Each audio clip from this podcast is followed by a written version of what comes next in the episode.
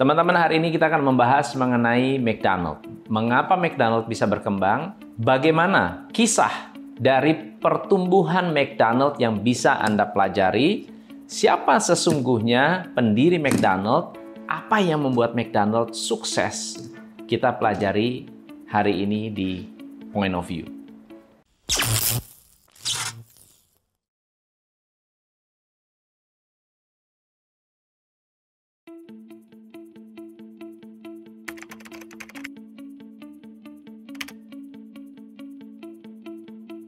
Raymond Albert Kroc atau disebut Ray Kroc lahir pada tanggal 5 Oktober 1902 di Oak Park, Illinois, Amerika yang dikenal di dunia sebagai pendiri McDonald. Ray Kroc dikenal sebagai orang yang bekerja keras, memiliki ego yang besar, dan pastinya membutuhkan perjalanan yang panjang bagi Ray Kroc untuk berada di puncak karirnya hingga saat ini. Pada tahun 1917, saat Perang Dunia ke-1 di Eropa, Ray Kroc masih berumur 15 tahun. Ia berbohong akan umurnya yang seharusnya 15 tahun menjadi 17 tahun untuk bisa diterima di angkatan bersenjata bersama Walt Disney yang merupakan pelopor lahirnya kartun pertama di dunia, yaitu Mickey Mouse tahun 1919, Ray Kroc bertemu dengan Ethel Fleming, seorang wanita pemilik hotel di Paw Paw Lake, Michigan. Dalam pertemuan ini, Ray Kroc dan Ethel jatuh cinta. Mereka memutuskan untuk menikah dan pindah ke kota Chicago. Ya, membuat Ray Kroc menjadi semakin keras dalam bekerja, mencari uang, bekerja sebagai salesman Tulip Paper Cup Company Nah, singkat cerita, perusahaan tempat Ray Kroc bekerja mengalami penurunan di penjualannya sehingga pihak manajemen harus memotong gaji sebesar 10% untuk semua karyawan. Dan Ray Kroc akhirnya resign. Setelah keluar, Ray Kroc berusaha untuk mencari pekerjaan lainnya untuk menopang kehidupan keluarga dan akhirnya dia bertemu dengan Earl Prince, pemilik Prince Castle sekaligus pencipta multi mixer. Nah, Ray Kroc kemudian rayu Earl Prince untuk memberinya hak eksklusif untuk memasarkan formula milkshake buatan Earl. Dan dalam waktu 15 tahun, Ray Kroc berhasil memasarkan produk ini ke seluruh Amerika. Tahun 1954, Ray Kroc mengunjungi sebuah restoran yang dimiliki oleh Dick dan Mac McDonald di San Bernardino. California yang kabarnya membutuhkan beberapa multi mixer lalu kemudian dia mencoba untuk menjual beberapa mesin milkshake. Tapi pada saat Ray Kroc datang, dia malah terkesan dengan cara uh, McDonald bersaudara dalam mengoperasikan bisnisnya. Ini bisnisnya efisien banget, cepat banget melayani customernya. 15 cents is your change? Here you are. What's this? Your food. No, no, no. I just ordered. And now it's here. Dan fokusnya cuma tiga produk. Burger, kentang, milkshake. Benar, ini adalah restoran yang disebut McDonald. McDonald sudah berdiri sebelum Ray Kroc. Ya, yang didirikan oleh Maurice McDonald dan Richard McDonald atau biasanya mereka disebut dengan McDonald's Brothers. Backgroundnya mereka adalah pria-pria atau bersaudara yang berasal dari New Hampshire, Amerika. Sebelum mereka mendirikan McDonald's, mereka bermigrasi ke California tahun 1920 untuk mencapai target omset 1 juta dolar sebelum usia 50 tahun. Awal murah karir mereka, mereka bikin bioskop, tapi gagal. Tahun 1930, mereka buat hotdog stand di dekat uh, lintasan Santa Anita di Arcadia, California, tapi gagal, bangkrut. Di tahun 1940, mereka membuka restoran drive-in di San Bernardino, yang berhasil tumbuh dengan pesat. Konsep yang dijalankan oleh McDonald Brother ini memang sangat berbeda. mulai dari cara penyajiannya termasuk menu-menunya. Rata-rata kalau di Amerika untuk menyajikan makanan membutuhkan waktu 30 menit. McDonald hanya 30 detik. Cara penyajiannya pun unik. Kalau di tempat lain burger ditaruh di atas piring, ini burger ditaruh di atas kertas. Minumannya pun disajikan dalam sebuah gelas berbahan kertas. Juga mereka memiliki standar kebersihan yang tinggi. Karena inilah akhirnya Ray Kroc tertarik untuk menawarkan kerjasama kepada McDonald Brother yaitu dengan menawarkan waralaba McDonald atau yang disebut dengan franchise. Ketika Ray Kroc bilang, ayo yuk bikin kerjasama, bikin franchise. Dia bilang, ah enggak deh saya ragu, saya sudah pernah mencoba tapi nggak sukses. Tapi karena Ray Kroc persisten, akhirnya mereka setuju karena mereka juga berpikir, oh ya, nggak ada salahnya lah kita melakukan ekspansi untuk dapat keuntungan yang lebih baik lagi. Nah ini kasusnya cukup menarik karena Ray Kroc bukan hanya ingin menjual franchise McDonald, tapi juga sebenarnya mereka atau beliau ingin menguasai McDonald secara keseluruhan. Lalu Ray Kroc bilang, oke okay deh, saya akan bantu mikirin gimana caranya untuk melakukan quality control supaya lebih meyakinkan lagi agar target kita nih untuk melakukan franchise di seluruh Amerika, bahkan seluruh dunia bisa berkembang. Bahkan Ray Kroc rela untuk menggadaikan rumahnya hanya untuk memberikan modal untuk membangun franchise McDonald dengan perjanjian hitam di atas putih dengan Dick dan Mac McDonald yang akhirnya mereka menyetujui penawaran yang diberikan oleh Ray Kroc.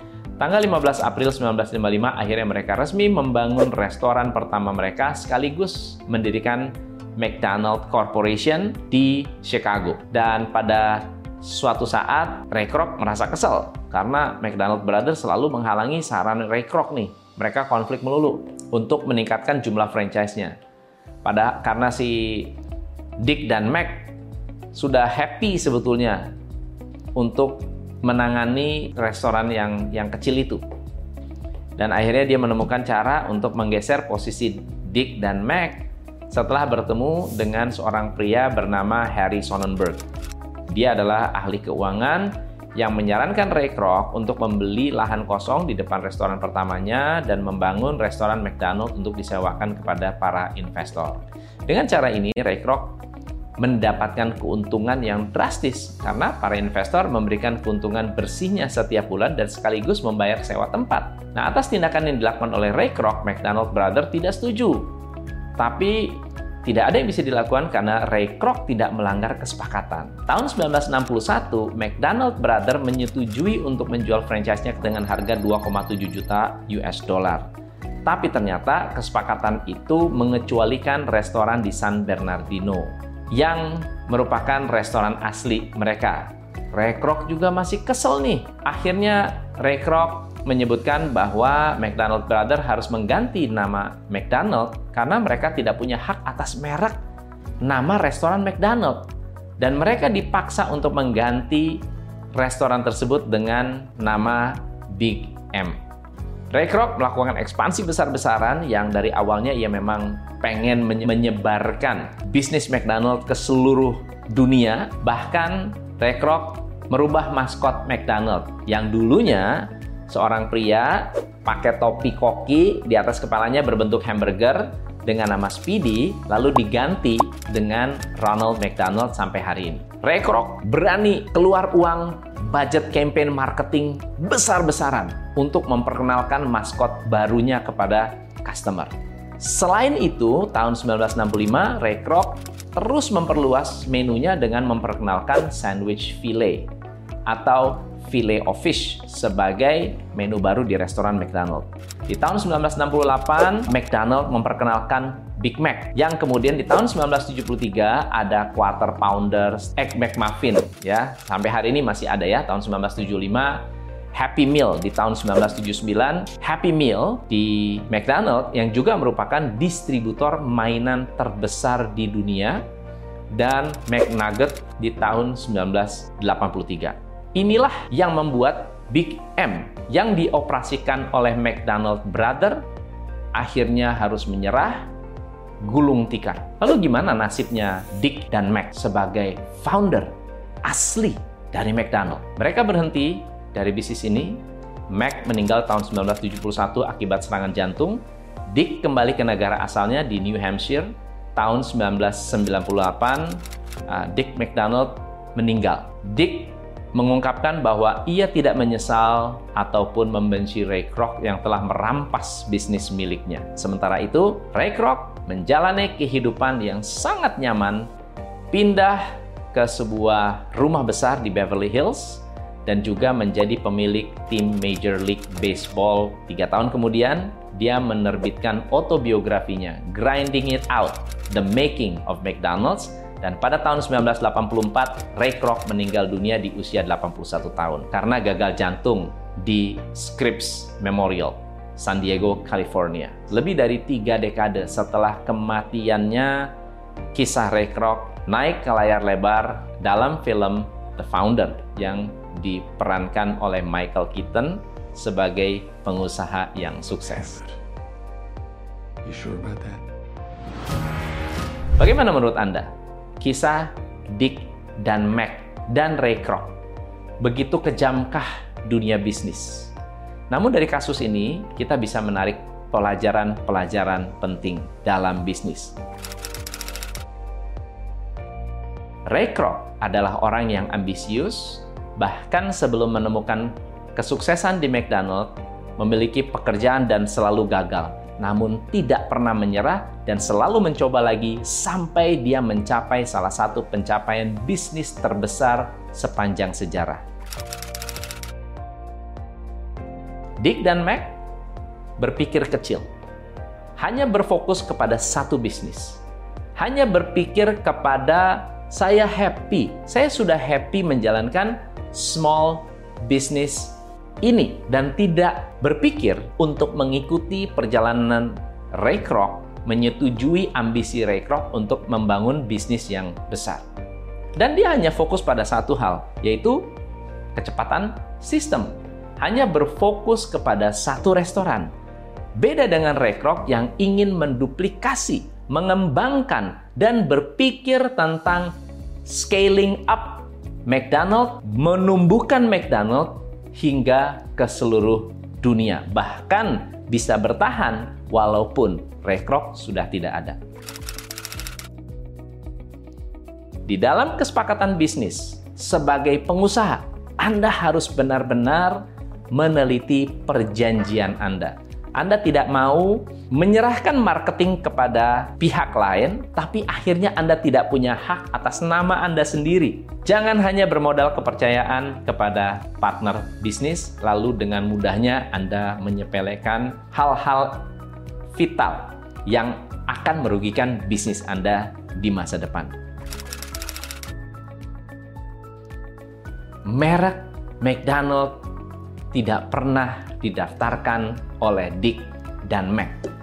Didaftarkan oleh Ray Kroc. Akhirnya mereka tidak lagi bisa menggunakan nama atau merek McDonald yang merupakan satu-satunya alasan mengapa Ray Kroc ngotot. Di salah satu interview, Ray Kroc ditanya, kalau Anda nonton film The Founders, di akhir dari film, Ray Kroc tanya kepada Dick dan Mac. Selama ini kamu nggak pernah nanya kenapa saya ambisi banget dengan produk kamu. Saya ambisi banget dengan kamu. Saya ambil bukan karena sistemnya, bukan karena makanannya, bukan karena kecepatannya, tapi karena namanya McDonald's. Kayaknya enak didengar, lengkap, wholesome. Flow. McDonald's. I like the sound of it. It sounded uh, wholesome and it sounded genuine, you know? Uh, I don't like these uh, mm, gimmick type names, you know. Uh, burger this, burger that, and uh, all that kind of stuff. Dan inilah yang menyebabkan Dick dan Mac mengalami kebangkrutan, kalah bersaing, mengganti nama McDonald's dengan.